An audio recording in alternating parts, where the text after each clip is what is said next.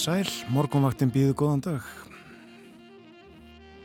Mánudagur, 30. og 1. júli, klukkunum vantar nýjum mínutur í sjö. Og hér setjum við Björn og Vera. Setjum til nýju. Það er bæði upphaf og endir í dag, ný vinnuvika hafinn og uh, júli mánuður sennliðin, síðasti dagur þess mánadar. Og við hugum að verinu skoðum skeitinn frá nokkrum veður á tjónastöðum frá því klukkan 6 í morgun. Og uh, við sjáum að það er ljómandi veður á landinu. Mjög víðar logg eða afskaplega hægur vindur.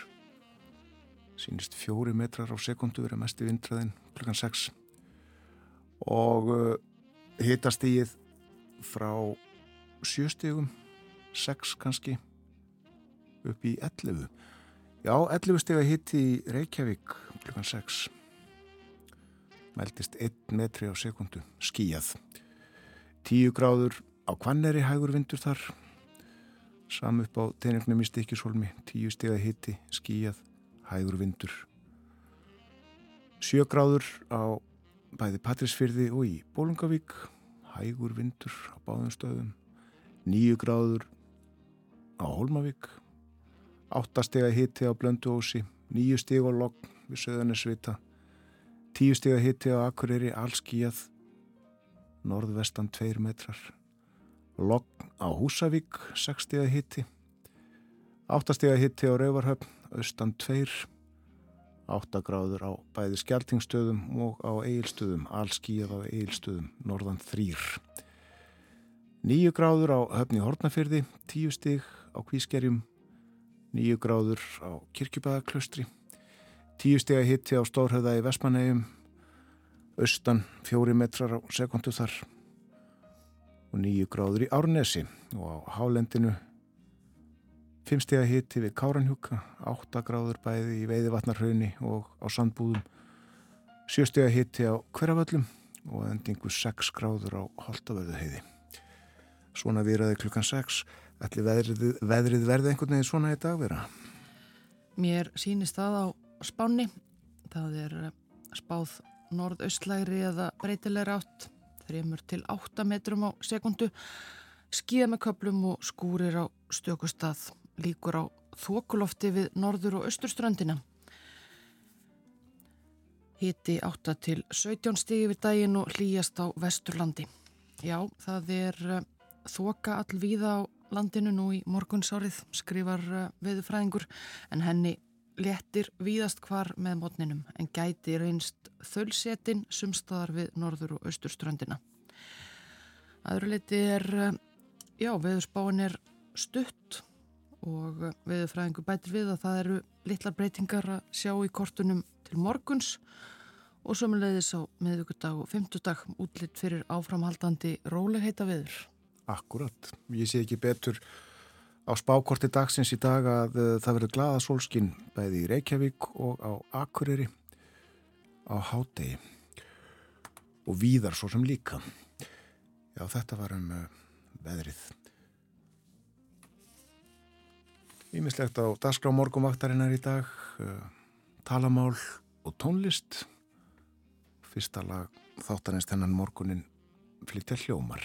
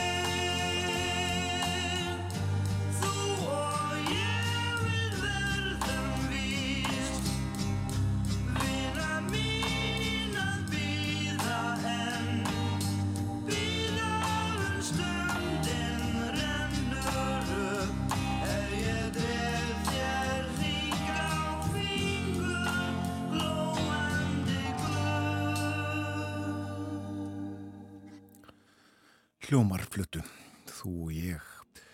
Lag eftir Gunnar Þórðarsson, Ólafur Gaugur gerir textan. Samtið þetta fyrir úlingana í Keflavík.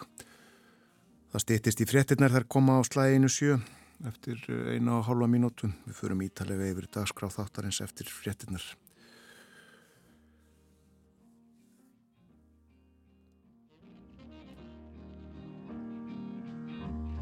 Thank you.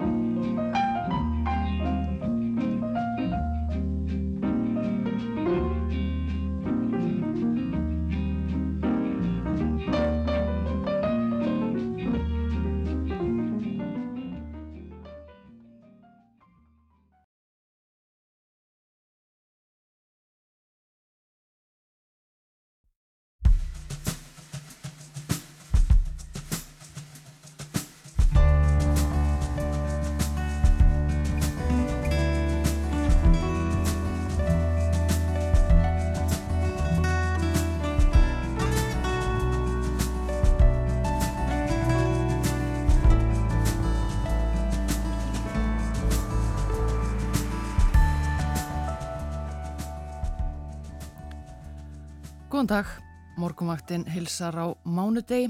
Í dag er 31. júli, síðasti dagur júlimánaðar. Umsjónamenn morgumvæktarinnar í dag eru Vera Ílluðadóttir og Björn Þór Sigbjörnsson. Ólafur Örn Haraldsson, náttúru unnandi og útífistamadur, kemur til okkar í dag og segir okkur frá náttúru perlum utan alfaraleiðar. Fyrir tveimur vikum saðan okkur frá jarlhettum og fleiru þarum slóðir en í dag likur leiðum Mælifellsand, hann er norðan Mýrdalsjökuls. Ólafur Örn verður hér klukkan hálf átta. Björn Malmqvist, frettamæður, verður líka með okkur. Við aðtugum hvað stjórnmálamennir á Spáni hafa aðhafst síðustu daga en engin augljós ríkistjórn blasti við eftir kostningarnar á Spáni fyrir viku. Svo fjöllum við líka um innrás rúsa í Ukrænu. Björn Malmqvist verður hér eftir morgunfréttir. Og í síðasta hluta þáttarins fjöllum við um tónleikaröð. Hún nefnist Windworks í norðri, hefst á miðugudag og stendur fram eftir ágústmániði. Aðinni stendur Pamela De Sensi, flautuleikari. Hún flutti yngað frá heimalandinu Ítalíu fyrir 20 árum og kann svo vel við land og þjóð að hún kallar Ísland Paradís. Pamela verður hjá okkur upp úr hálf nýju og spjallar um lífið og listina.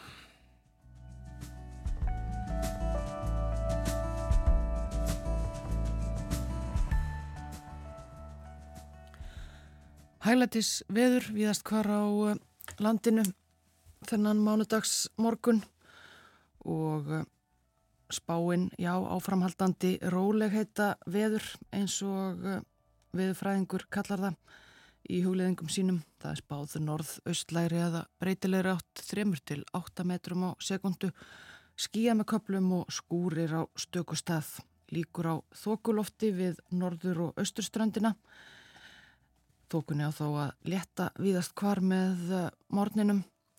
Hiti 8 til 17 stíðu við daginn, hlýjast á Vesturlandi og svalast í þókuloftinu. Og litlar breytingar í eh, kortunum á morgun og sumleiðis á miðugudag og fymtudag áframhaldandi hæglætis veður. Hvað gerir svo að förstu daginn?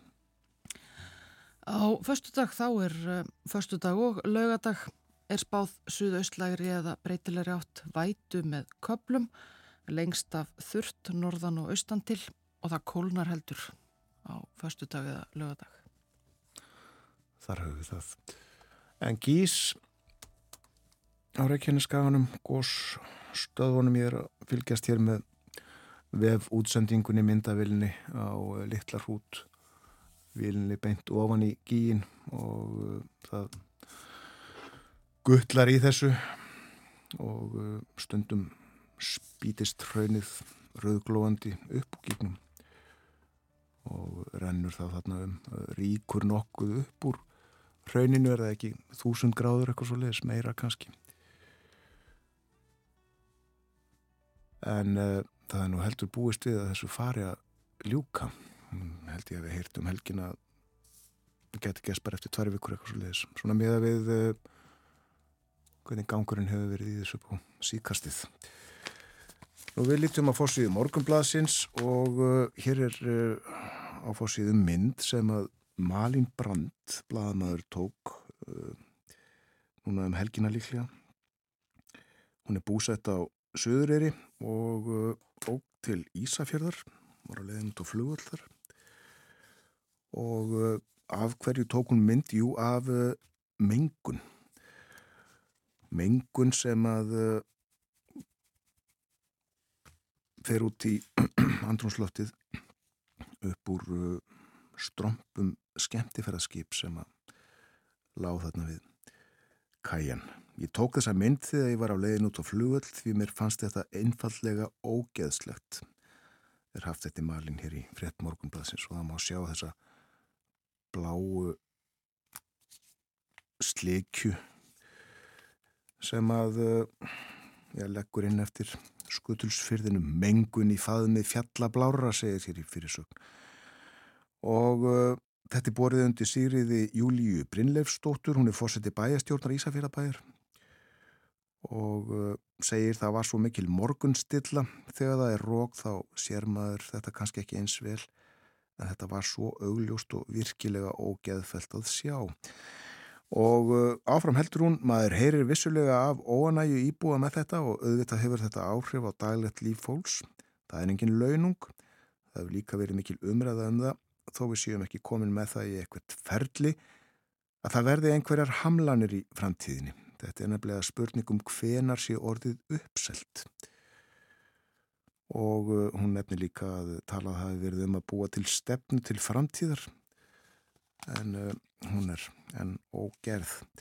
Nú fleira uh, handhafar vegabrifa sem eiga greiðan aðgang inn á sjengensvæðið án vegabrifs áreitunar munu á næsta ári þurfa að sækja um ferðaheimild í gegnum nýtt upplýsingakerfi sjengen samstarfsins og uh, þetta, þessu er líkt við esta heimildir sem þarf til að komast til bandaríkjana bandarækjaman eh, einmitt meðal þeirra sem að þurfa að fá sérstakka ferðaheimil til þess að komast til, já, til dæmis Íslands og uh, það er ekki talið að þetta muni hamla för ferðamanna til landsins haft eftir uh, ráþara ferðamála hér, uh, Liljúdögg Alfredsdóttur og einni rætt við frangatastjóra samtaka ferðaþjónustunar hann er á sama máli Jóhannes Þór Skúlason Þetta drögu fram að fórsíðu morgunblad sem stennar morgunin.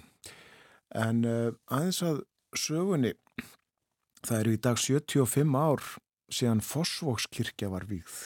Það var 30. og 1. júli 1948.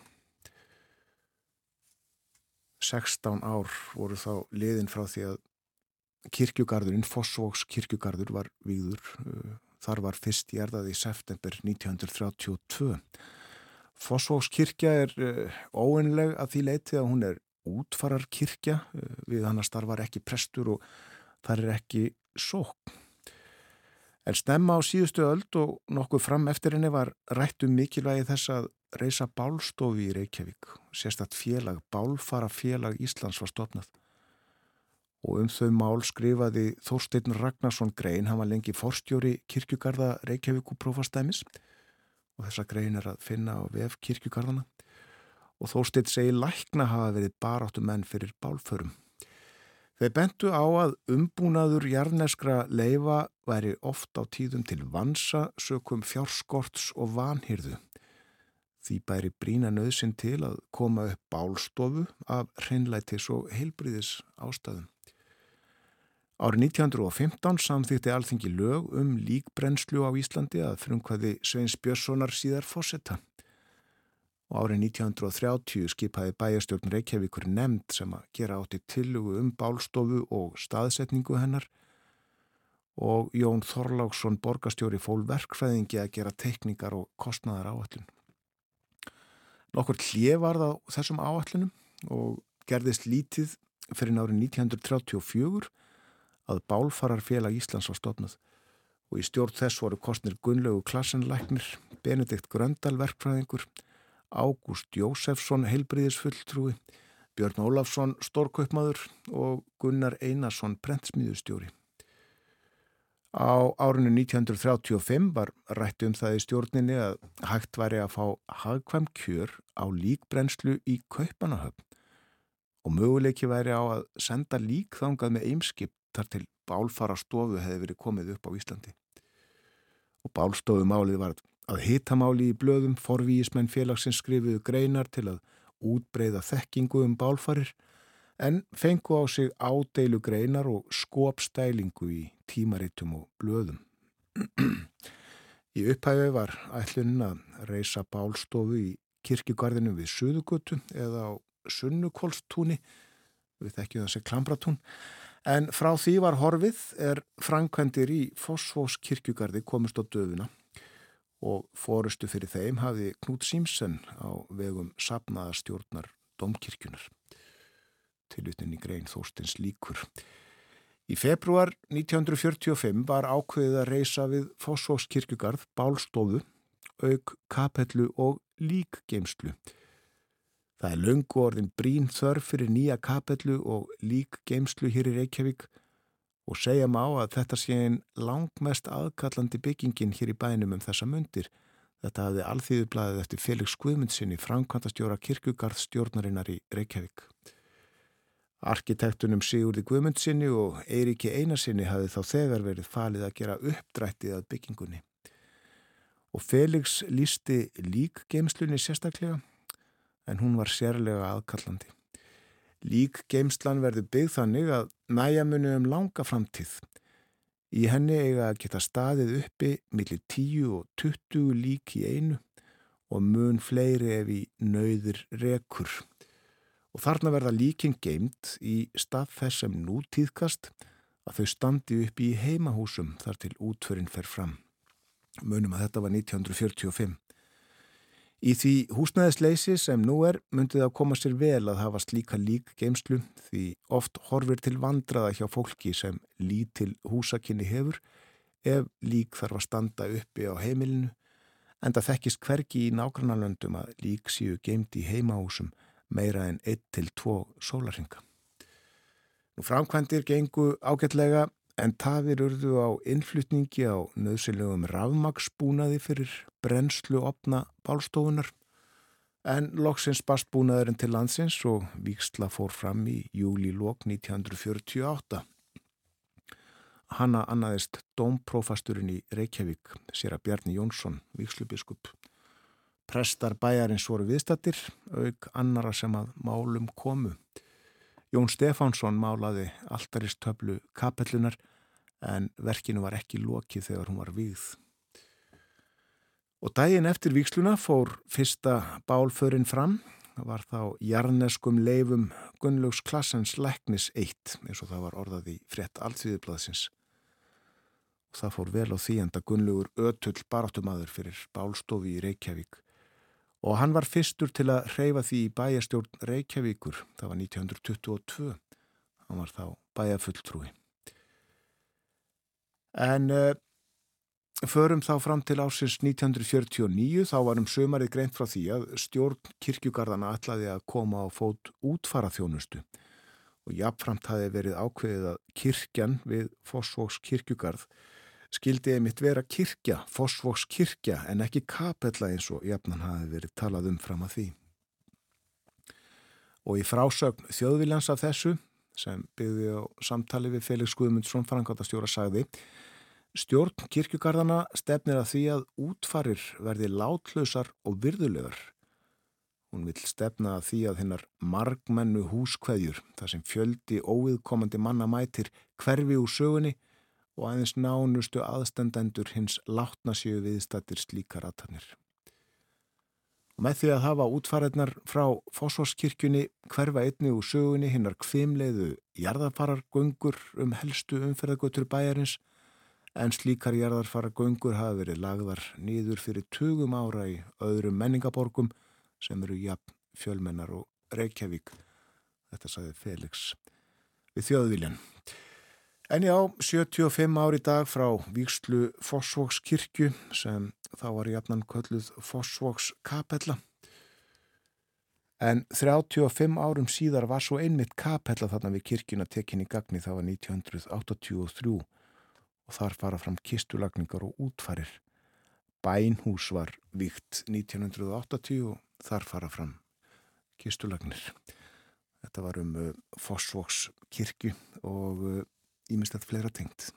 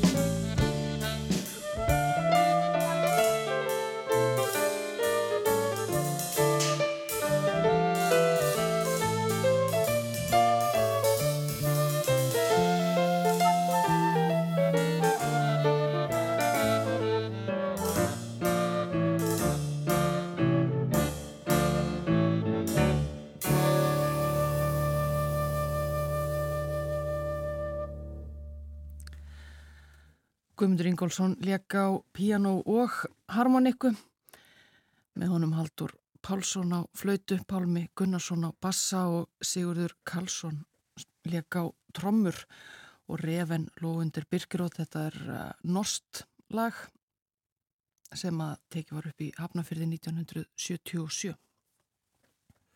Það er leikið uh, á heimsmeistramótunni í fótbolta. Nú fara fram tveir leikir samtímis þetta eru loka leikirnir í reylakemni. Tveir leikir hófust núna klukkan sjö. Annars vegar Japan Spán og hins vegar Costa Rica Sambia. Japan og Spán uh, bæði örug með að komast áfram og Costa Rica og Sambia sem er leiði sem að komast ekki áfram. Búið að skora í báðum leikjum á þessum 20 mínútum sem að liðnar eru. Staðan er 1-0 fyrir Japan gegn Spánverjum og 1-0 fyrir Sambíu gegn Costa Rica. Og síðan eru tveir leikir til viðbútar í dag. Þeir hefjast klukkan 10 sem er leiðis samtímis Kanada, Ástralja, annars vegar og Írland, Níkerja, hins vegar. Báðuleikir síndir á Rúf, Kanada, Ástralja á Rúf, rétt eins og Japan og Spát núna og Rúf 2, Írland, Níkerja. Þar er síndur leikurinn Kosta Ríka, Sambia.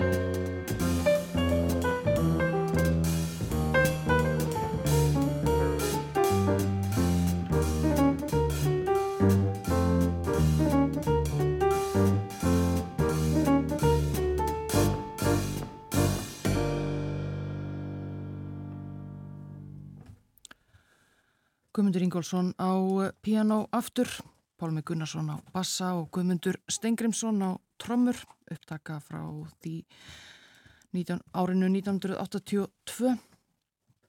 Lægið No Moon at All, jazz standard eftir þá David Mann og Red Evans. Lag sem að fjölmarkir tónlistamenn hafa tekið. Ella Fitzgerald, King Cole, Nana Muscuri og fleiri ef að eh, sálisti er kannaður. En þessi upptaka og svo sem við heyrðum hér áðan af uh, norsku lægi eru báðar á skífu sem kom út árið 1994 með ymsum upptökum Guðmundar Ingólfssonar. En það fer að líðað yfirleiti frétta hér á rásett.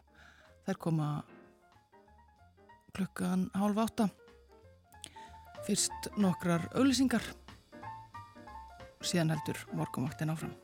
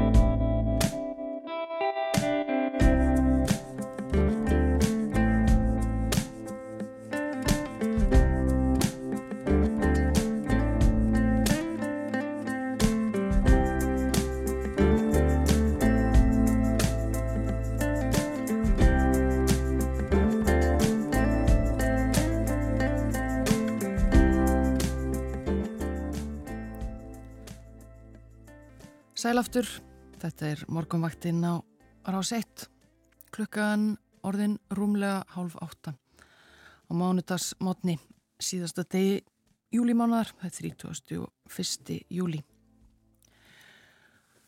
Það er spáð haglætis veðri á landinu í dag, norðaustlægri eða breytilegri átt, 3 til 8 metrum á sekundu, skýja með köplum og skúrir á stökustað, líkur á þokulofti við norður og austurstrandina þó að þokunni létti víðast hvar með mótninum.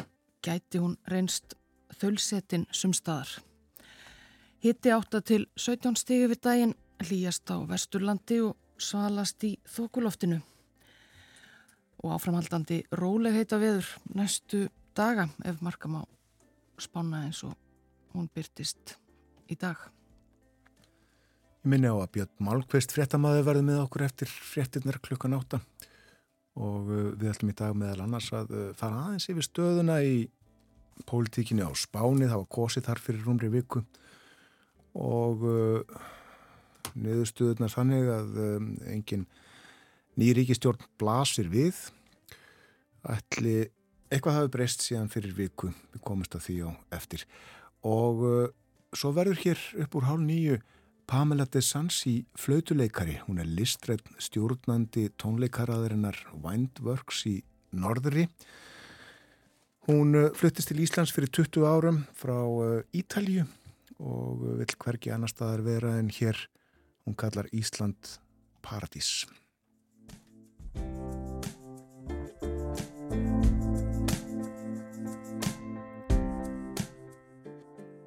Til okkar er komin Óláður Örn Haraldsson, útífistamæður, göngugarpur, náttúru unnandi, fyrirverandi fórseti ferðarfélags Íslands. Við ætlum eins og fyrir tveimur vikum að tala um landið okkar fara og hann að fara með okkur í göngu í huganum. Velkomin og góðan dag Óláður. Góðan daginn og selvverði. Síðast fórstu með okkur að Jarlhettum, sunnan Langjökuls og um svæði þar í kring og já, aftur likur leið nærri jökli, öðrum þó. Já, það er Myrdalsjökull og má segja Torrajökull líka.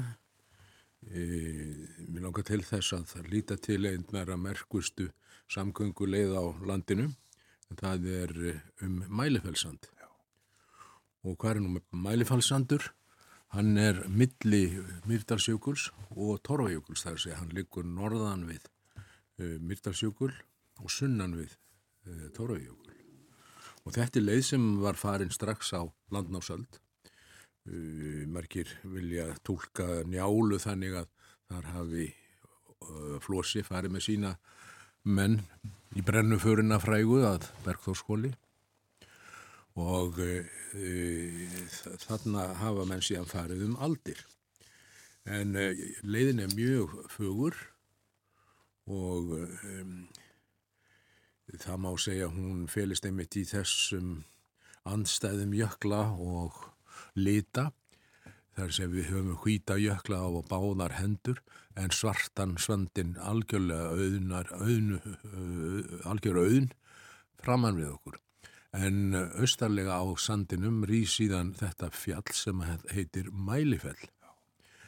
Og það er eins og mörgunur Mælifell á Íslandi topplaga og hvast og er mjög áberandi kennileiti fyrir þá sem að ferðast með þessar slóðir. Já.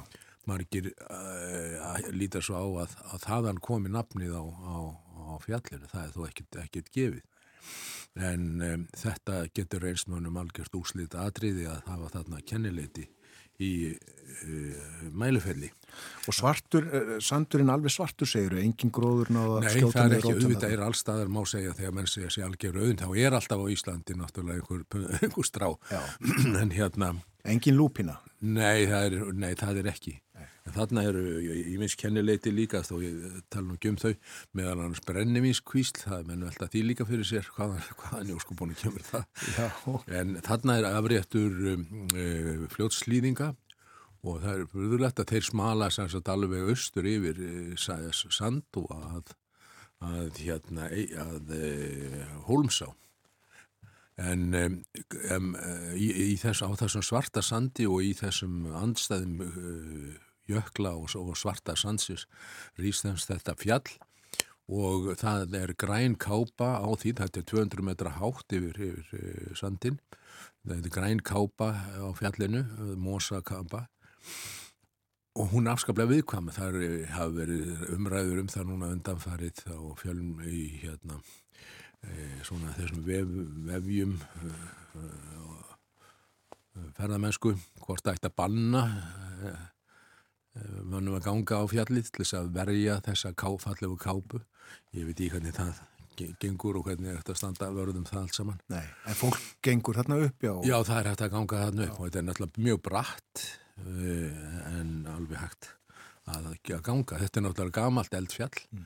sem hefur orðið til undir jökli með þeim einkjörnum sem að uh, þau, uh, þær bergmyndanir fá sem það, þannig háttar til Nú, ef við vikjum að þessari ferðarleið og hvernig mann nýttu sér hana, þá var það þannig að, að ef við horfum til skaf, vestur skaftafellsíslu, þá var engin leið góð í raun og veru fyrir uh, þá sem vildu komast þaðan í kaupstað og til í aðdráta.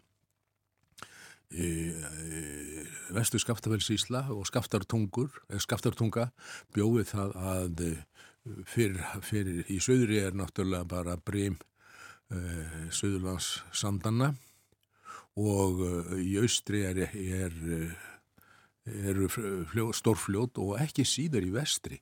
En maður nætla úr frá, frá Viki Myrdal og, og nákvæmni og til aðdráta á Eirabakka og Reykjavík þá þurftum hann að fara yfir stórfljótin sem renna einmitt úr, úr Myrdalsjökli. Þetta var ekki álítlegt. Nei, og þess vegna var að fara norður fyrir. Þess vegna fórum en þessna norður fyrir, en það var uh, ljóður á. Þarna þetta er mikið veðra viti og uh, menn fengur nú aldils að, að kenna á því sem að þarna fóru í, í, í, í gegn. Uh, leiðin öll er, má segja, einn daglið, kannski tæplega það ríðandi og á einum degi getur nú brúðið til begja vona og, og viður skipast fljótt í lofti. Og þannig var um þá sem að fóru þarna í gegn 1868 þá fara fjórir menn úr skaftartungu og ætla sér að fara í verið, suðum og sjó. Og þeim að fyllt áleiðis eins og að venja var í skaftartungu og skilir við þá að þeir halda síðan inn á sandin. Þetta er 11. oktober 1868 eins og einu saði og þeir stefna sem sagt á það að komast í Hvangil sem er vestan við sandin. Uh, vestur mörg uh, Mælfellsands er við svo kalla kal, Kaldaklosskvísl. Þarna var sæluhús í, í, í Hvangil og ég hef nú komið þar að þegar rústónum, þetta er óskup lítið fjöllett en enga síðu það, þetta var hægt að skrýða þarna inn, ekki standa og valla sitja en uh, þó skjól. Og um, þeir fara, það er uh, kalsa rigning í byggð og slitta til fjalla og gengur fljótlega í suðvestanátt sem er beint í andlitið og það þeim sem ætla hérna vestur yfir og uh, svo uh, fara menn að átta sig á því að þeir eru koma aldrei fram á vestan við sandin uh, og þetta ganga fréttir mjög hægt og sérstaklega hérna á husti þegar, þegar já, ferðir eru orðna mjög stópular Það var ekki síðan farið að leita að þessum mönnum finnast einhverja slítru bæði af hrossi og, og farangri en, en menninni finnast ekki. Og uh, það var ákaft leitað, bæði sérstakar leitir gerðar og eins líka leitað út frá fjall, fjall, fjallferðum, smala með skunni, og aldrei finnast þér. Þetta var afskaplega mikil óhugur sem að greip fólk og náttúrulega uh, allir tilbúinir með einhverjar sögur og sagnir, allt frá því að, að þarna væru kominir draugar yfir í það um þessi menn hefur bjargast og komist í skip og það, það er svona alltaf klassisk skýring á öllum. En síðan er það þarna tíu árum setna að það er verið að smala á Mælfellsandi og fjallkongur sendir tvo menn til þess að skoða hvita bletti sem sjást þarna langleginu upp undir Torfajökli við Móbergsklöpp og þeir fara þarna og þá koma þeir að líkamsleifum og farangri þessara manna að liggja þarna í nýbri undir, undir þessari öldu. Og í fáum orðum sagt að þá er ljóst að þessi menn hafa orðið úti allir, að þeir eru aldrei um 17 til 44 ára. Og sá sem var nú hérna í, í, í forsvari fyrir Þorlákur Jónsson, hann er 44 og hafði markfarið þetta harduglegur og, og lagðist nú ekki til hvílu eða skjóls uh, fyrir nýja fulla nefana og síðan fara menn þá og, og þeim heila verður svo ógjaf, það ógjafi verk að þeir fara og smala saman öllum beinunum og koma þeim síðan uh, austur yfir sand til sinna heimkina og þau voru síðan sett saman í eina gröf Þetta var náttúrulega óskaplega slísalega gert því að auðvitað vildu menn koma og sjá vexummerki ættingja sinna og líka átta sig á hvað hafði þarna gerst. Já. menn hafa lengi veltið svo, eru enna veltið þessu fyrir hvernig gata það gerst að fjórir menn með eh, sko, eh, nesti og skrínur fullar af smjöri og öðru góðu eh, hvernig þeir gátu allir orðið úti þarna og ég raun og verið engin skýring. Ég vil hefa mig látt sér dætt í huga elding hafi grandaðum það er nú svona ekki, ekki líklegt en það var slíkt veður á þarna. Og um, þetta verður til þess að í raun og verið þá uh, falla niður ferðir um sandin og uh, mönnum var mjög illa við að fara þarna. Já. og þá var ekki manna að velja heldur en að fara söðu fyrir, söðu fyrir jökla og þetta gæti verið erfitt og síðar hluta 19. aldar var einmitt farið að reyka fjö í stórum stíl frá uh, vestur Skaftafellsíslu til Reykjavíkur og Eirabakka svo kvöld Sauðasala vegna kjötskort í Englandi og þarna fengu uh, bændur í skaptatungu í fyrsta skipti peninga, raunverulega peninga en ekki bara vörskipti og uh, þarna var uh, rekið uh, í stóru stíl en það var náttúrulega verið að fara það að hösti þegar búið verið að smala og, og, og aðskilja slátur fyrir frá uh, öðru fyrir og þá gerist það nú að það er annar vegur fundin og það er maður sem er mjög merkilegu maður sem hér Björn Gunnlaugsson var kennari og, og um, landmælingamadur hann gekk, gekk fyrstur fór fyrstur manna alla leið 1839 og fór norður fyrr. Það er að segja fjall þarna er ég að þá að tala um fjallabakslegin nýrðri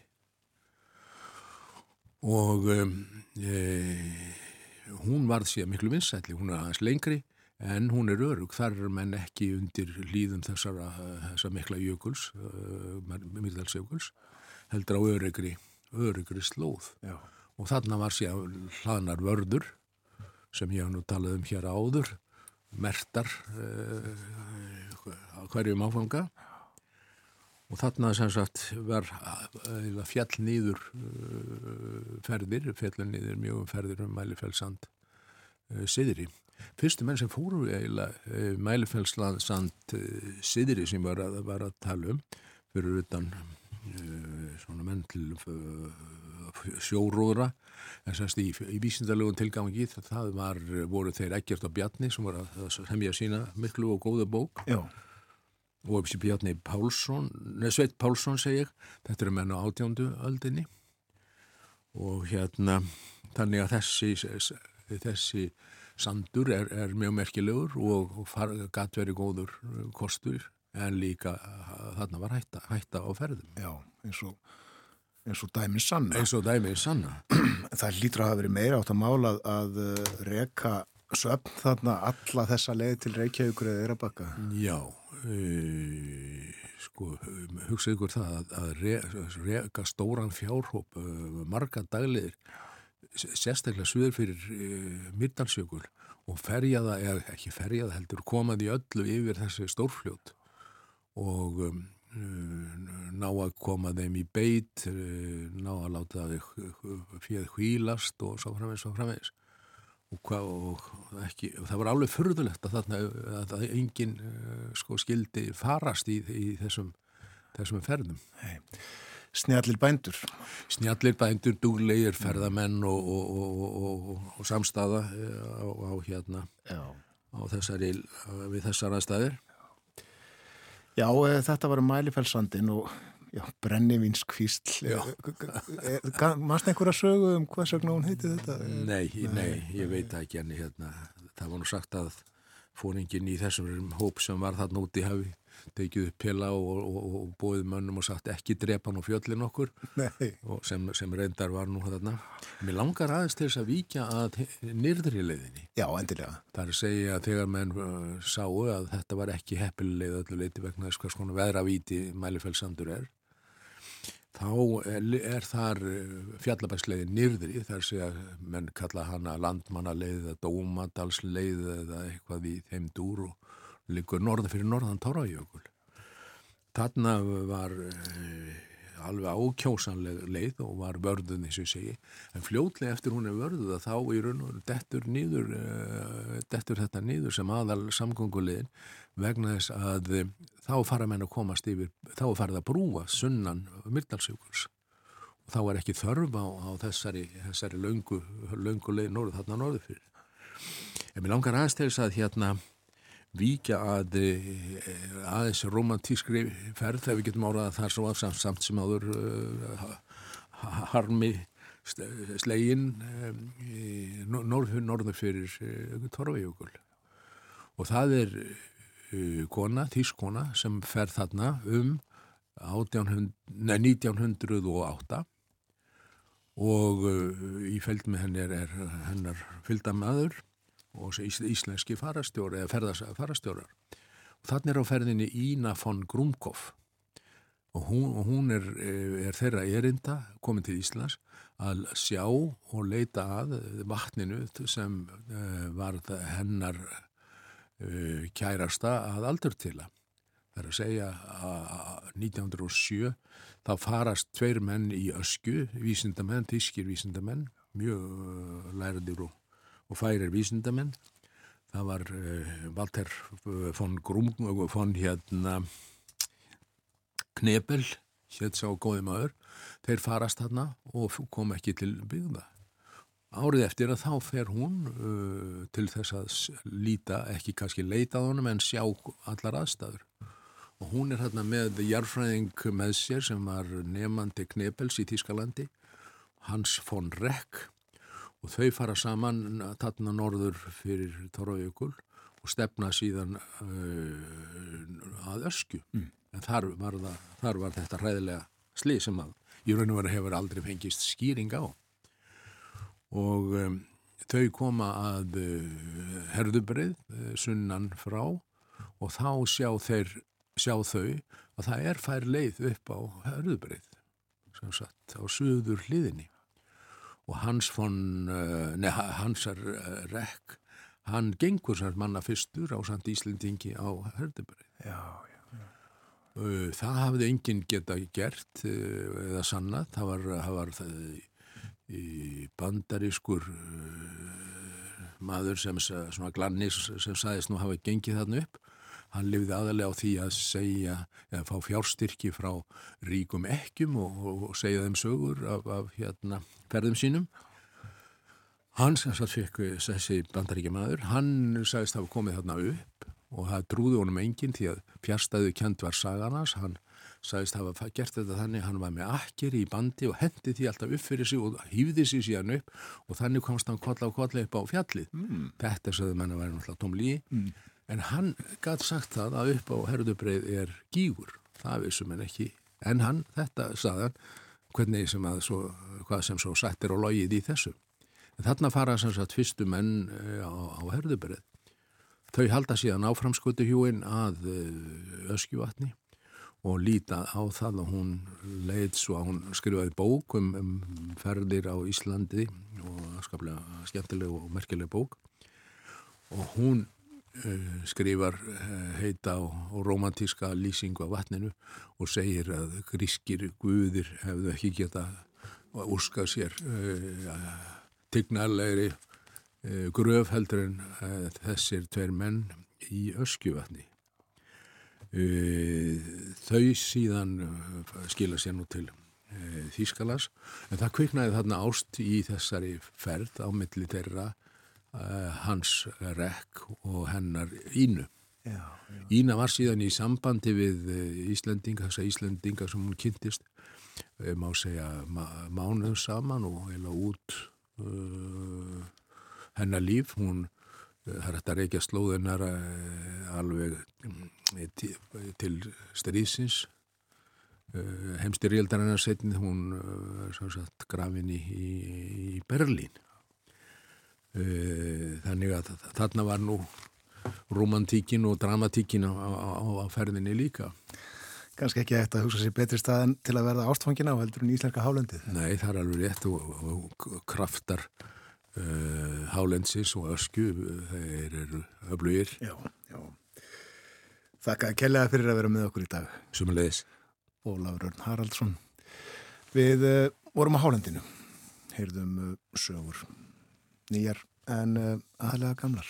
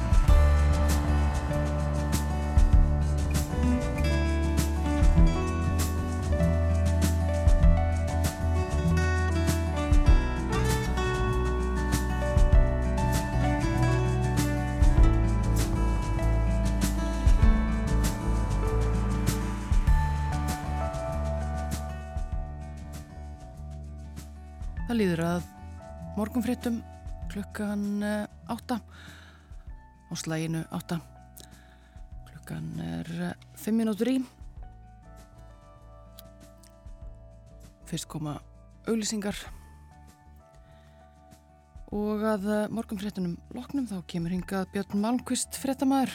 Hann er vanalega stattur í Brussel þegar við ræðum við hann á mánudagsmórnum en er hér á landi sem stendur og kemur til okkar í hljóðstofu hér í efstaleitinu. Og við ætlum að ræða við hann um uh, spán. Þar var uh, kosið eins og við fjöldum um í uh, síðustu viku. Kosið í síðustu viku og spurningin er hvernig gengur að mynda stjórn. Mikil óvisa í kortunum í síðustu viku og segir okkur frá því hvernig, hvernig það gengur og eitthvað fleira ræðum við líka um Rúsland og Ukrænu. En næst eru það morgunfréttinar.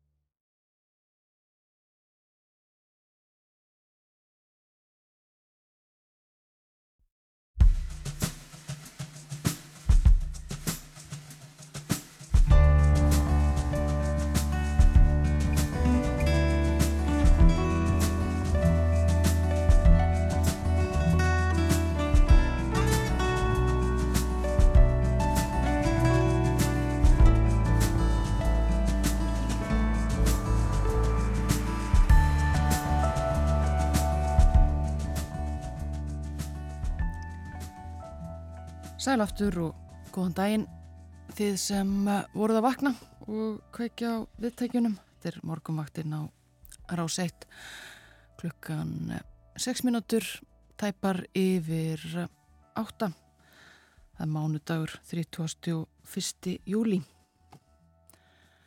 Við höfum fylst með fóboltanum sem að leikin er í Ástralíu og á Nýja Sjálandi. HM Kvenna 2 leikir í gangi þessa stundina. Setni háleikur að hefjast í þeim eh, báðum og verið talsvert um eh, mörg staðan er 2-0 eh, í leik Sambíu og Costa Rica. Sambíu 2, Costa Rica 0 og Japan er búin að skora þrjú mörg gegn Spáni. Staðan þar 3-0 síðan eru tveir leikir til viðbótar síðar í dag hefjast uh, klukkan tíu setni leikirnir Írland, Níkarja og Kanada, Ástralja En hingað er komin Björn Malmqvist, frettamæður. Við erum vöna að tala við hann á uh, mánudagsmórnum en uh, hann er þá yfirleitt í Brussel. En í dag er Björn komin hingað í hljóðstofu í eigin personu. Góðan daginn. Góðan daginn Björn. Brussel eiginlega sefur í ágúst eða ekki? Jú, það er einlega svona þannig að það fara allir í sumafrí í ágúst og, og öll starfsemi Európusambandsins og svona tengdra stofnana og EFTA og ESA og allar þessar svona skriðaræði stofnunir í Brussel, það er fara einlega í dvala í ágúst. Bara belgar í Brussel í ágúst og ofbúslega mikið að ferðamörnum í slísi það er, það er ótrúlega mikið.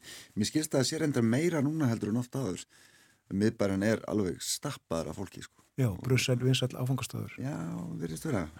Kannski, ég veit ekki ég veit ekki hvað það er, en kannski minna, veist, það er sko, oftur í talað um að Brussel sé svona lítla útgáðan af París. Um, það er eitthvað til í því. Um, en það er mjög mikið af fólki en það er líka þetta er skemmtileg borg og það er gaman að koma og, og fullt að gera það sko. Já, mjög sérmyndið, það eru rétt glæsilega byggingar og frábæri matsölustæður. Algjörlega. En það eru, en sko þótt að, þótt að þessar stofnunni so, sko sofi í ágúst þá eru náttúrulega alls konar mál í gangi sem að matla áfram og Já. bæði sem að, sem að varða náttúrulega Aldaríkin og, og Ísland og hann að við höldum áfram að fylgjast með þeim málum og hérna þetta hættar ekkert. Nei, það er rétt. Fólk farið sumafri.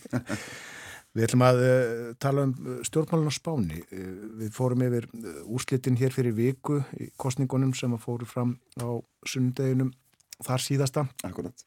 Og uh, já, frettinnar eftir að, að úrslitin á fyrir voru eiginlega, er stjórnarkreppa framöndan? Það lítur svona út fyrir að það sé kannski Já, sko, hann ætla stjórn, hann ætla að setja stjórn að völdum, sko, sem, að, sem að heldur áfram þannig til að, að nýstjórnarskipu. En það virðist vera, sko, að niðurstaða kostningarna, hún var ekkert mjög einhlít uh, og, og það, þannig að það er ákveðin svona kreppa í, þým, í þeim skilningi að það, það lítur út fyrir að vera mjög erfitt, sko, fyrir bæði hægri menn og vinstri menn að, mynda starfhæfan meiraluta eða allavega stjórn sem hefur þá allavega, þessist kannski ekki meiraluta en allavega, allavega stuðning nógumarkra og, og hjásetu nógumarkra til þess að hérna, til þess að geta stjórnað og uh, þessi staða sko var náttúrulega mjög tæp sko eftir kostningarnar og hún var þeimlega ennþá tæpari núnum helgina. Nú? E, það gerist nefnilega það að, að, að sko þá voru talin allkvæði þegar spánverðar sem að kussu í, í útlandum utan spánar. Það voru 233.688 atkvæði sem, sem að voru talin og, og hérna og breytingin varð ekki mikil. Hún, en hún varð þó næg til þess að staðan flæktist enn. Þar að segja að sósélistar hérna, sem eru í, í stjórn þeir mistu eitt þingsæti og íhjaldmenn uh, sem eru stjórnarnarstöðu þeir, þeir unnu, unnu eitt. Og þetta er ekki stórmunur en starffræðin hérna er mjög mikilvæg vegna þess að, að sko það skal, skal hafa í huga að það eru, sko, það eru 350 þingmenn á, á spænska þinginu og, og, og til þess að ná sérst absolutt uh, meðluta þá þarfstu 176 ásækið um, íhaldsmenn og, og Vox þar að segja öfga hæri flokkurinn sem að sem að hæri, sem auka hæri menn bundun og reyndar vonir við að myndi sigur, eða sérst vinna á þessum kostningum en tapaði samt tingsætum þeir eru núna samtals það er þessi hæri blokkin ef að hættir að segja sem svo, þeir eru núna með 170 þingmanni, þessi tingsæti pluss eitt frá litlum flokki sem að fylgi þeim, uh, gætu mögulega ná einu í viðbót það er að segja 172 sem er samt ekki nóg, sósélistar og, og þeirra bandamenn uh, sem, sem kallast Súmar-bandalæð Þeir voru með 172 sæti eftir kostningarnar en, en mistu semst eitt eftir, eftir allkvæðin frá útlöndum sem voru að tala um lögadaginn. Uh, Petro Sánchez, núverandi fórsettisrættar, hann var semst með mögulega leið að því að halda völdum með þessu súmarbandalegi og líka með því að sannfara svona litla flokka þar á meðal flokk sem heitir Hunds sem eru aðskilnaða sinnar í Katalóni og svona sambærilegir flokkar í Baskalandi. Uh, uh, ef hann hefði getað sannfart þá um að allavega sitja hjá uh, í atkvæðagreyslu sem verður sérst, þegar þingi kemur saman í ágúst. Já, en það hefur breyst sem sagt? Já, þetta nefnilega, þessi litla breyting sem að varða lögadaginn, hún, hún var sérst, mjög að núna er leið Sanchezar af stjórnarmyndun orðin, orðin þrengri því núna er sérst, vinstri blokkin með jafn mörg atkvæði trygg eins og hægri blokkin, blokkin og þess vegna er ekki nóg fyrir Sanchez að, að litlir flokka sitt í hjá heldur þarf hann beininleins að fá atkvæði frá allavega einum þingmanni hunds sem er þessi flokkur aðskilnaða sína í Katalóníu við skulum hafa í huga að það er flokkur sem var stopnaður meðal annars af Carlos Puigdemont sem við munum eftir úr deilunum um, um sjálfstæðisbaróttu Katalóna fyrir nokkum árum, það var hvað 2017 hann hefur verið í sjálfskeipaðar í útleið í Brussel, hann er þingmaður á, á, á, á, á sérst Európaþinginu en þar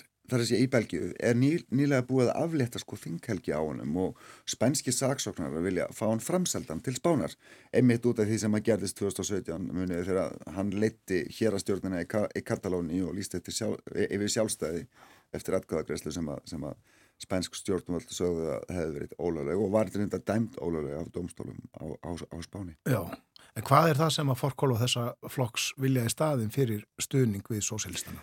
Þar stendur nefnilega nýfurinn í kunni Björn og vera, þau vilja nefnilega að, að, að, að hérna, spænsk, spænsk stjórnvöld og þau aflétti öllum ás, ásökunum og, og, og, hérna, sóknum á, á hendur Puigdement og öðrum sem hafa verið saksóttir út af, út af hérna, atkvæðagrestinu 2017 eh, ekki bara það heldur viljaði líka að ríkistjórn Sanchez lofið að halda atkvæðagrestlu um sjálfstæði Katalóníu sem, hérna, sem að verður nú að segja að það eru litlar eða nánast enga líkur á því að, að það verður samfélag. Nei, það er að fara þannig í...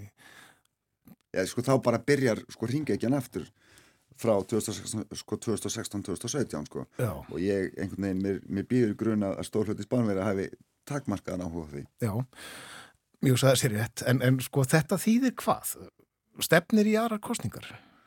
Já, sko, það bara gæti alveg farið svo, það er náttúrulega eins og við tölum um í síðustu viku, þá þá eru náttúrulega alls konar hrossauköp í gangi núna, gýðir ég rafverðir í og bara samkvæmt fréttum frá spáni það eru alls konar hrossauköp í gangi og alls konar svona, veist, fólk að þreyfa hvert á öðru og svona sjá hvernig, hvernig landi liggur, en þingið kemur saman, uh, eh, býtur nú við minnir að sé 18. ágúst eftir, eftir tæpar þrjárvíkur mm.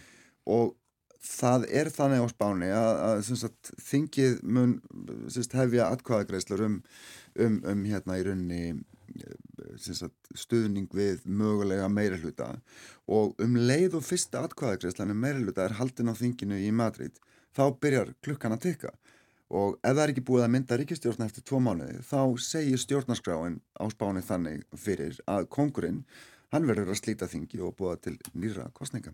Ég held að Sanchez og hans fólk sé ekkert rosalega spennt fyrir slikum kostningum þeir svona kannski töpuð ekki neitt rosalega miklu en, en töpuðu nokkrum þingsætum en svona, ef við segja, heldum í svona held hjárfinu svolítið í kostningunum þannig að fyrir hálfum mánuðu síðan.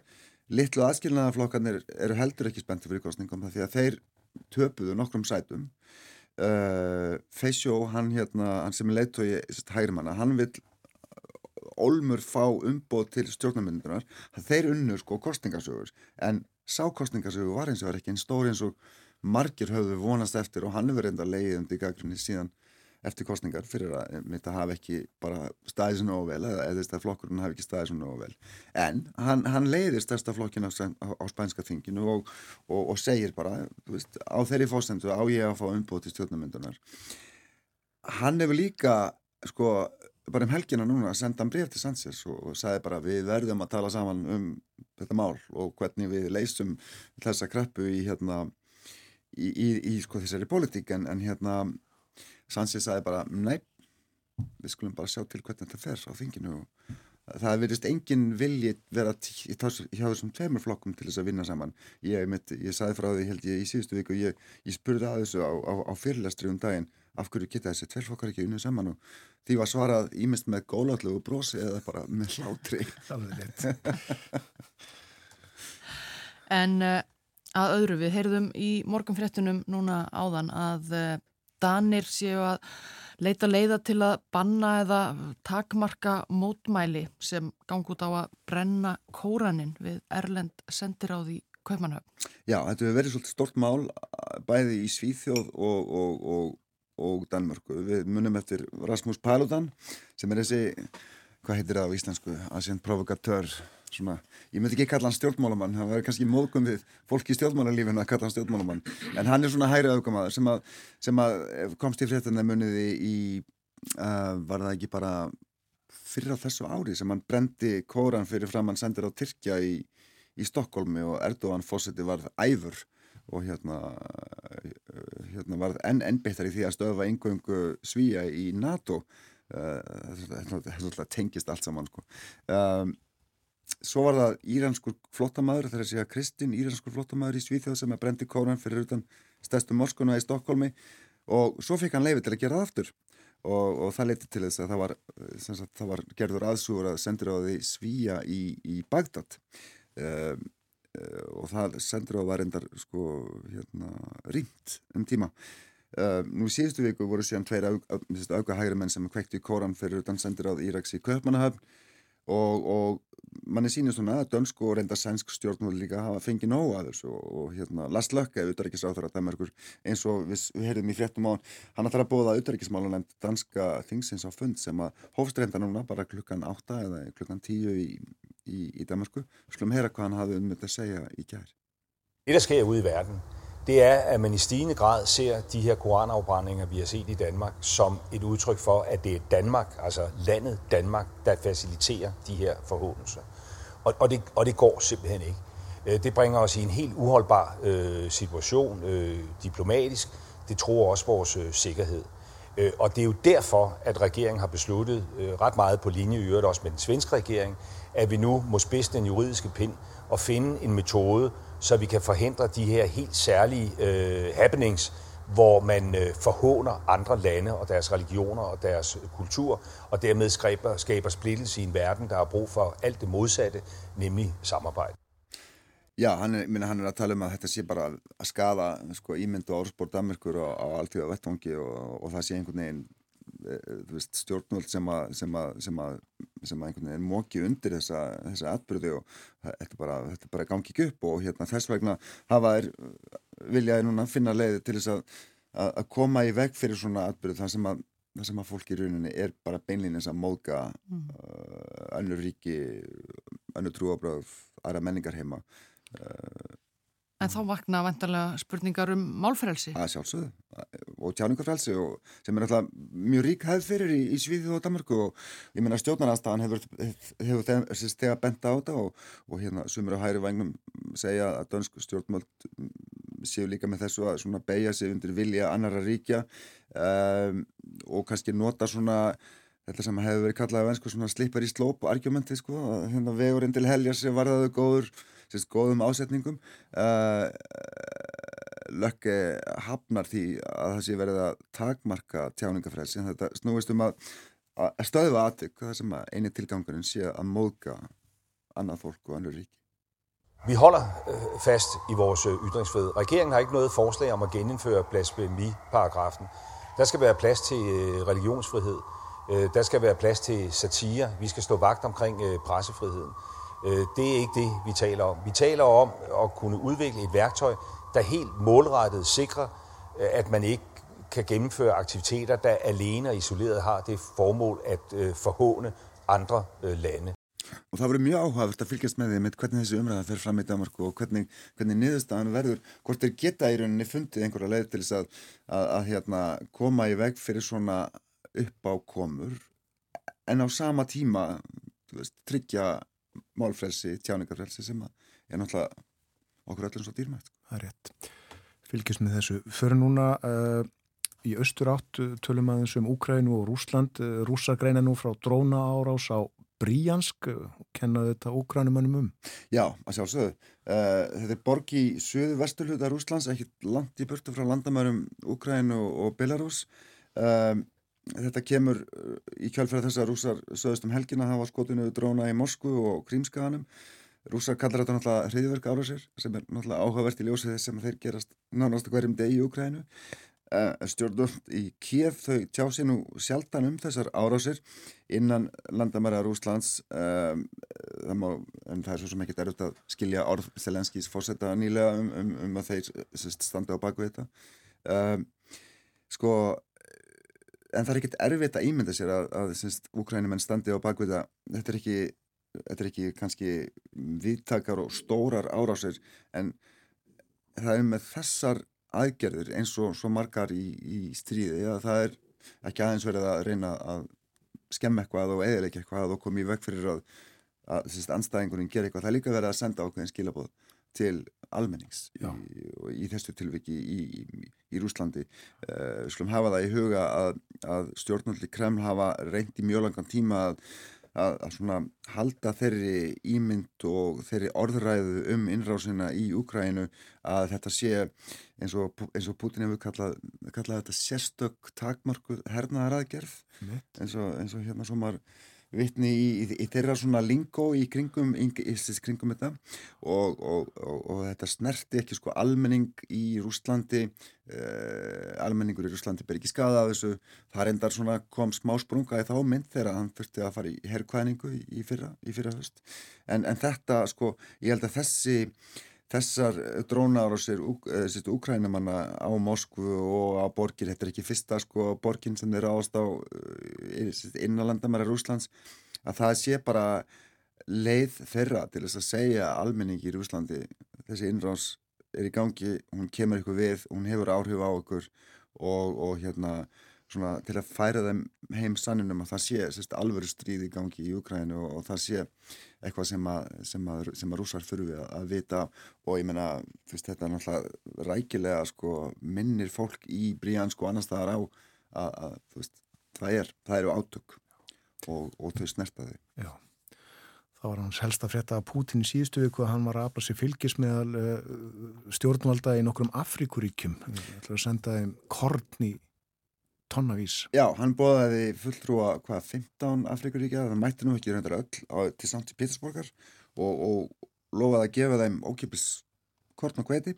Þetta kemur alltaf beint í kjálfæri þess að, að rússar dróðu sér út úr samkominlæginu sem að snerist um að flytja miljónir tonna af, af kortni yfir Svartahafið með, með flutningarskipum. Það, það var, því var komið á í, með millikvöngu Tyrkja í fyrra og hefur í rauninni gengið mjög vel ef að hægt er að nota það orðum það uh, og náttúrulega hæði mjög mikil áhrif á sko, heimsmar, heimsmarkasverð á kortni Úkrænumenn eru uh, það ríki sem er bara einhver stærsti útflytjandi á kortni til þrýða heimsins. Þannig að sko flutningabannið sem að, sem að varð eftir að stríði brust út eftir að rúsa ríðustinn uh, það var til þess að, að, að það var skortur á kortni markasverð hækkaði mjög mikið. Þetta var mjög mikið léttir þegar þegar þessi samningunni komst í gang. Núna hafa rússar uh, sagt, í rauninni afsaktan uh, það er ekkert verið að flytja núna. Uh, það eru, eru vandamál með landflutninga frá Úkrænu, Vesturábóin fimm ríki í östulutu Európa hafa staðið í vegi að vilja setja takmarkanur á, á flutninga í gegnum þeirra landsvæði vegna þess að um, það hefur skadað hagsmunni bænda til dæmis í Pólandi og Ungverðarlandi um, þannig að það er svona það er ákveðin vandkvæði núna varandi kortflutningana frá Úkrænu Litáar hafa bóðist til þess að auka sinn útflutning frá höfnum í Eistrasalti, uh, bæði í Litáan, Lettlandi og, og Eistlandi. Það kemur í ljós hvernig, hvernig það gengur en uh, sko uh, þetta, þetta brað Pútins um daginn með þessi, þessi ríki í Afríku þau, það duða skamt held ég. Sérni punktin hér. Þakka fyrir að vera með okkur í dag Björn Málkvist. Takk fyrir mig.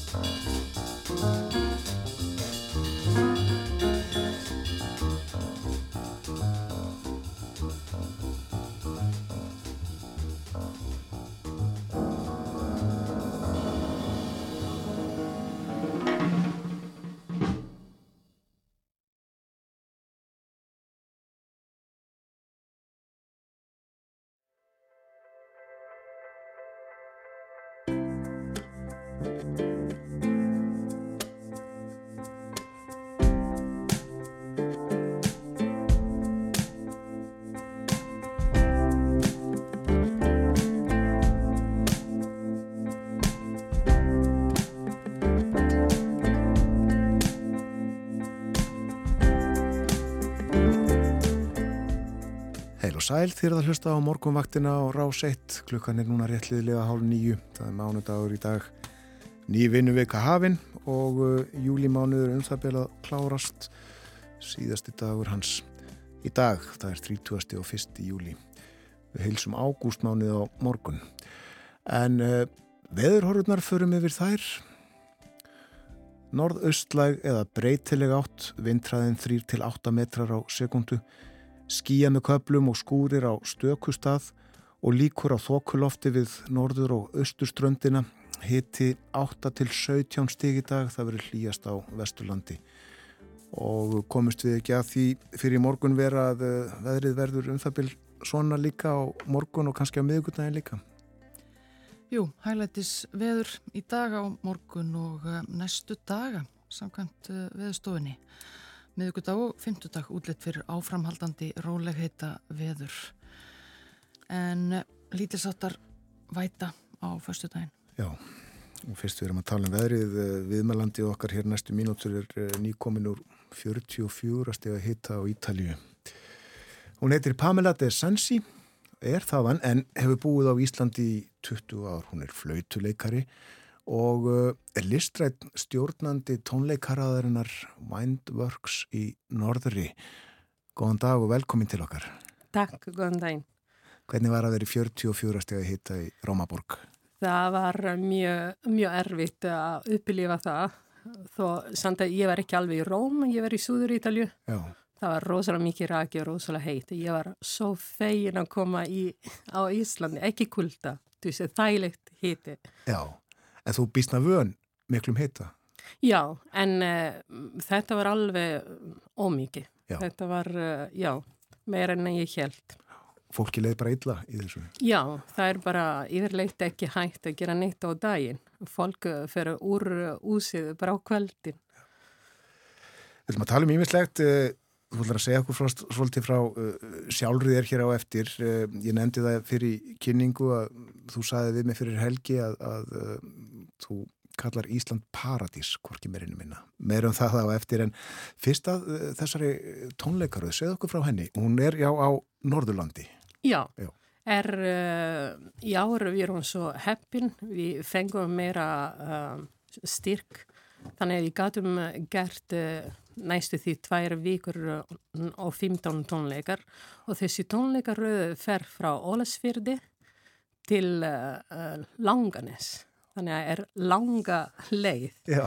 alla Norturland og er, við erum að halda tónleikar, áltíma tónleikar tverna tónleikar klukkan 2 og 3 um, í alls konar mjög flott uh, söpnu sem eru fyrir Nortan. Ekki á svona hefðbundum tónleikastöðum? Nei. Uh, ég elska um, þegar ég lendi í Paradís fyrir 20 áru síðan. Ég lærði rosalega mikið að fara í alls konar svona söpnu út á landi. Því mann læri rosalega mikið uh, sög af Ísland. Þannig að ég skildi svolítið hjarta þar þegar ég gatt, þegar ég gatt, ég, já, ég held einmitt uh, svona hátið og er rosalega flott því fólk uh, upplifa einhvað töfrandi uh, þegar tónlist blanda með sögu eða með myndlist. Þannig að það gerist eitthvað. Já. Nefnum hér nokkur söfn, þið ætlið að vera í sjóminnisafninu á Húsavík. Já, flug... sem er fyrsta skipti að halda tónleikar. Við Þa... fengum bara alveg heiður að vera í því í ár. Og flugsafninu á Akureyri? Já, og ég ætla að vera inn í flug, eina flug sem er þar, eina tónleikar verður þar. Já, Söðaneshúsið á Langanesi, Safnasafnið á Svalbardströnd. Já, Pálhús á Ólasfyrdi og svo listasafna Akureyra og Akureyri og svo uh, sapna-sapna á Úsavík. Hvaða listamenn munum koma fram?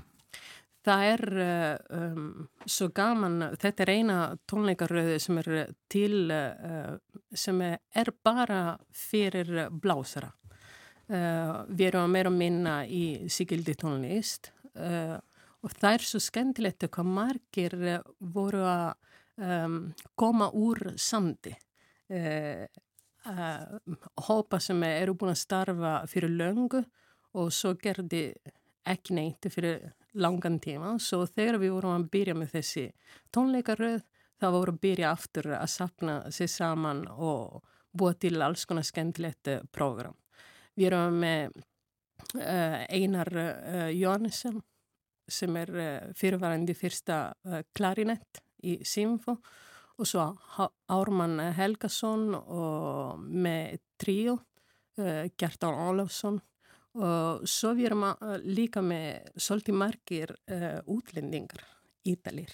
Ídalir. Ég tók smá hýta með mér. Já og ég fór einmitt í nót að sagja eina uh, frægastu uh, saxfónleikari sem er uh, frá Fenegi og hún er fræg í nútíma tónlist og heitir Emma Nicole Pigato sem er frá Fenegi og já, og svo er við erum í ári fyrsta skipti líka með stadatónskáld Daniel Þorstinsson sem er frá Akureyri Já, pjónleikari og... Já Snjallmaður? Já, alveg 360 gráður, Já. alveg glæsilegur. Svo gaman að geta mm, bjóða uh, í fyrsta sín, ekki bara í okkar uh, festival, í fyrsta sín á Nordurlandi staðartónskáld sem er svolítið mikilvægt, finnst það mér.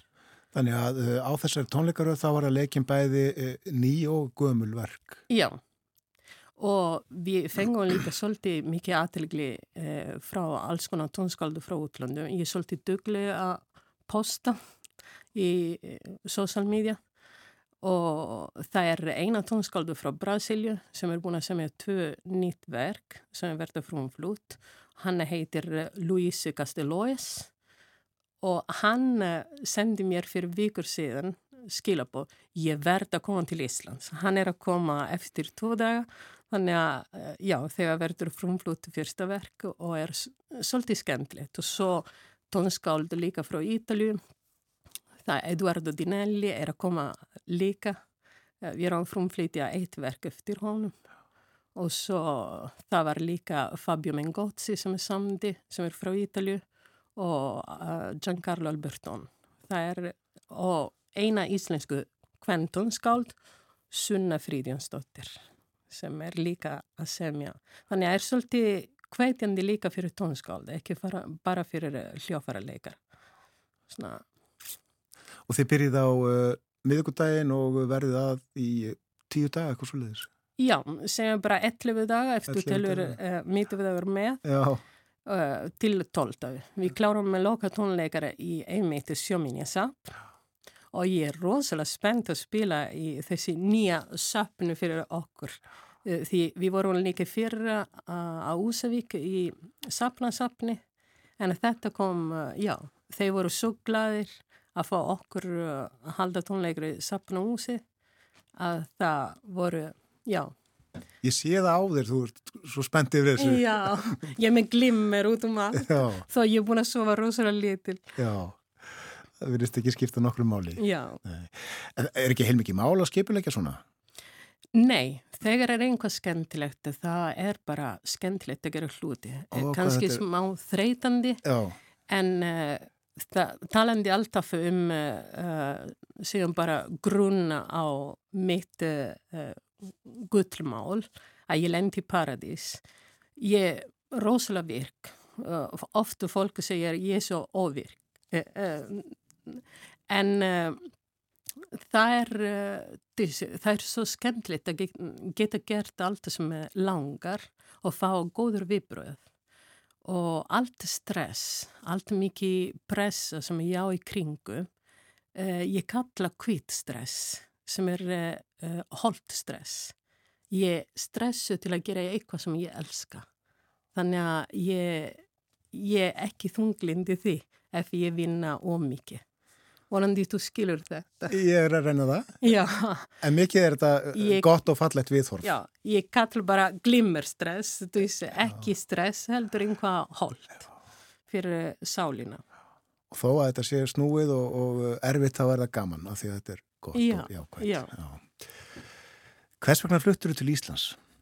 Já, ég kom, uh, ég kynnti manni minn, uh, Stengrimur Þóraldsson. Organisti? Já, organisti Neskirkja. Mm. Hann lærti uh, Gregorian söng í Róm, í Vatikan og, ég, ég var að spila með bestu vinnir hans, gitarleikari frá Mexiko. Og við kynntumst okkur í átónleikar hans en eh, bara á myndli okkar, ekki segja neinu.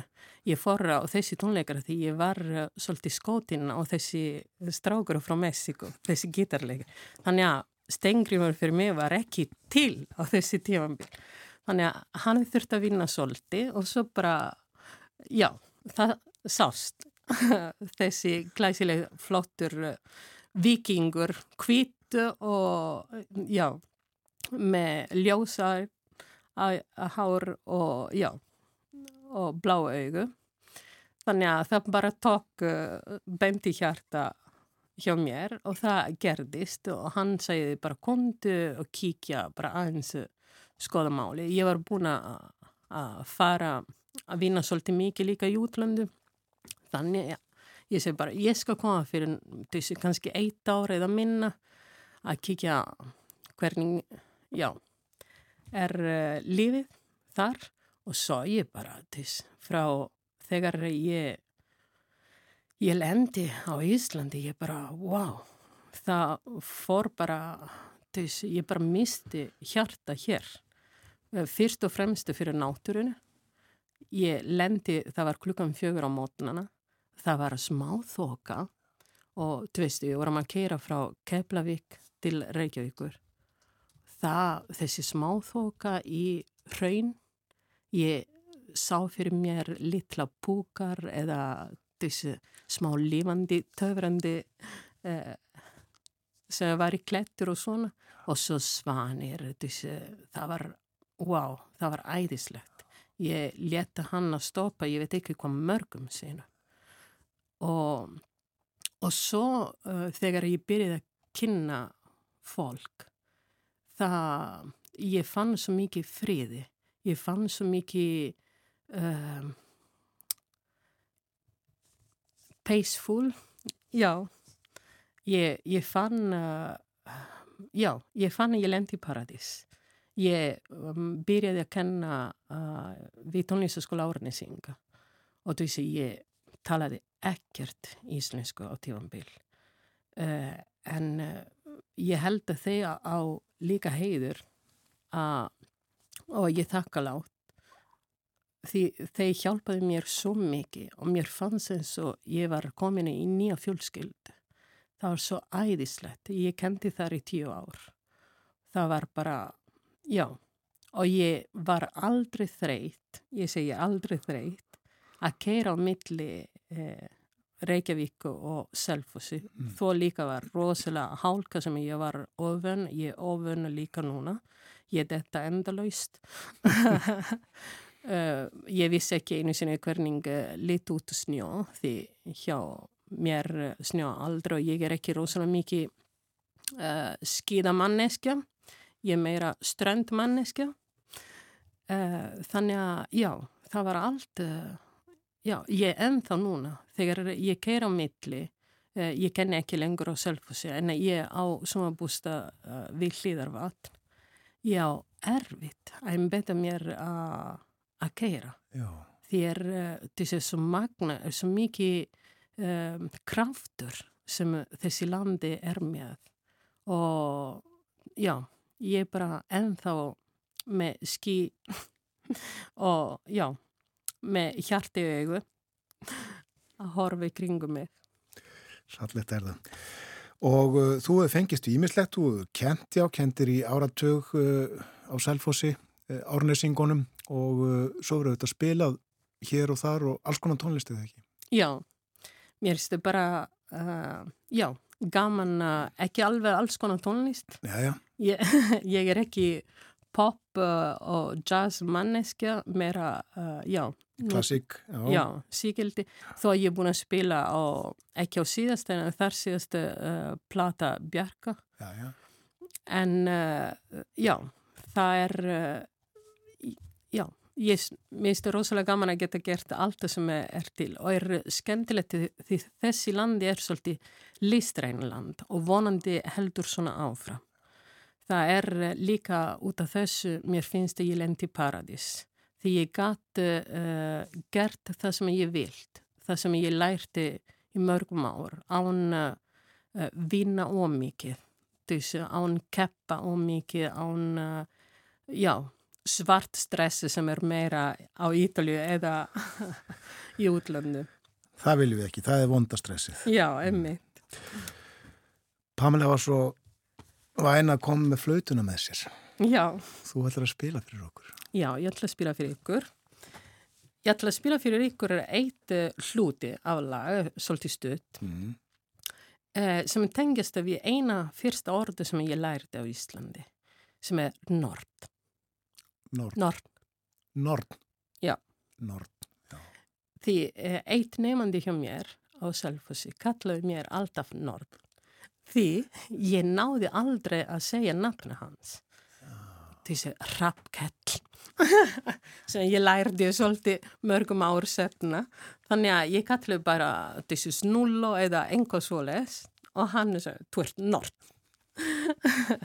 Þannig að ég, uh, og þetta er smá saga, þetta er um, um, leikusverk fyrir ennleikara flöytu og það er uh, þessi nörd sem er smá brussa og svolítið gömul og þreyt uh, og hún er að búa til gældaður ykkur sem er þarf að elda svolítið og svo sopna hún.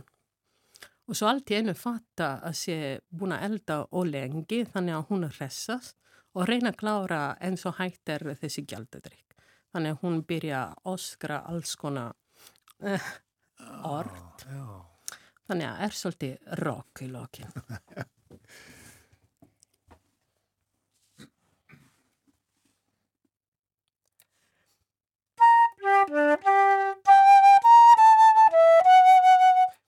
þakka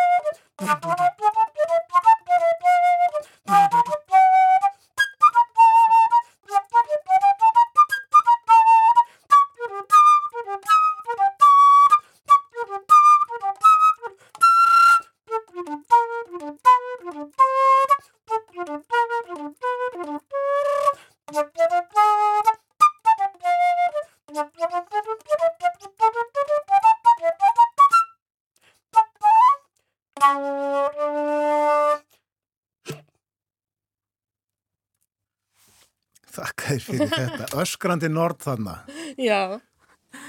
Galdra drikkurinn að sjóðu upp úr potunum. Já, eins og til að hressa okkur upp. Já, já. Svona snæma mótna. Akkurat, svona er gott að byrja vikuna. Já. Og daginn. Og uh, tónleikarnir uh, förum aftur yfir þetta í Pálshúsi á Ólasfyrði, Safnahúsinu og Sjóminasafninu á Húsavík, Flugsafni Íslands og Listasafninu á Akureyri. Það verður líka spilað í Menningarhúsinu Bergi og Bókasafni Dalvík.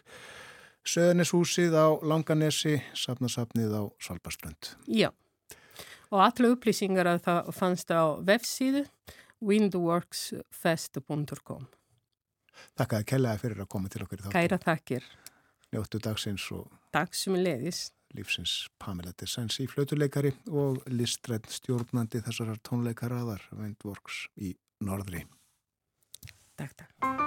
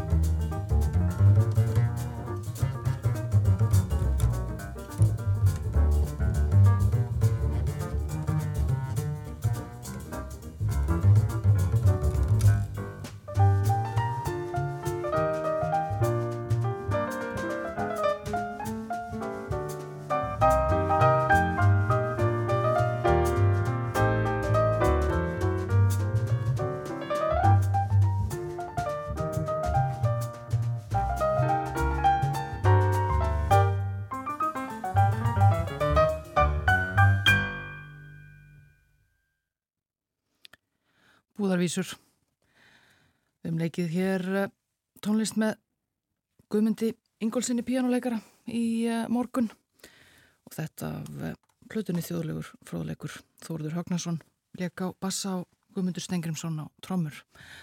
Þar á endan heyrðum við eh, flautuleik.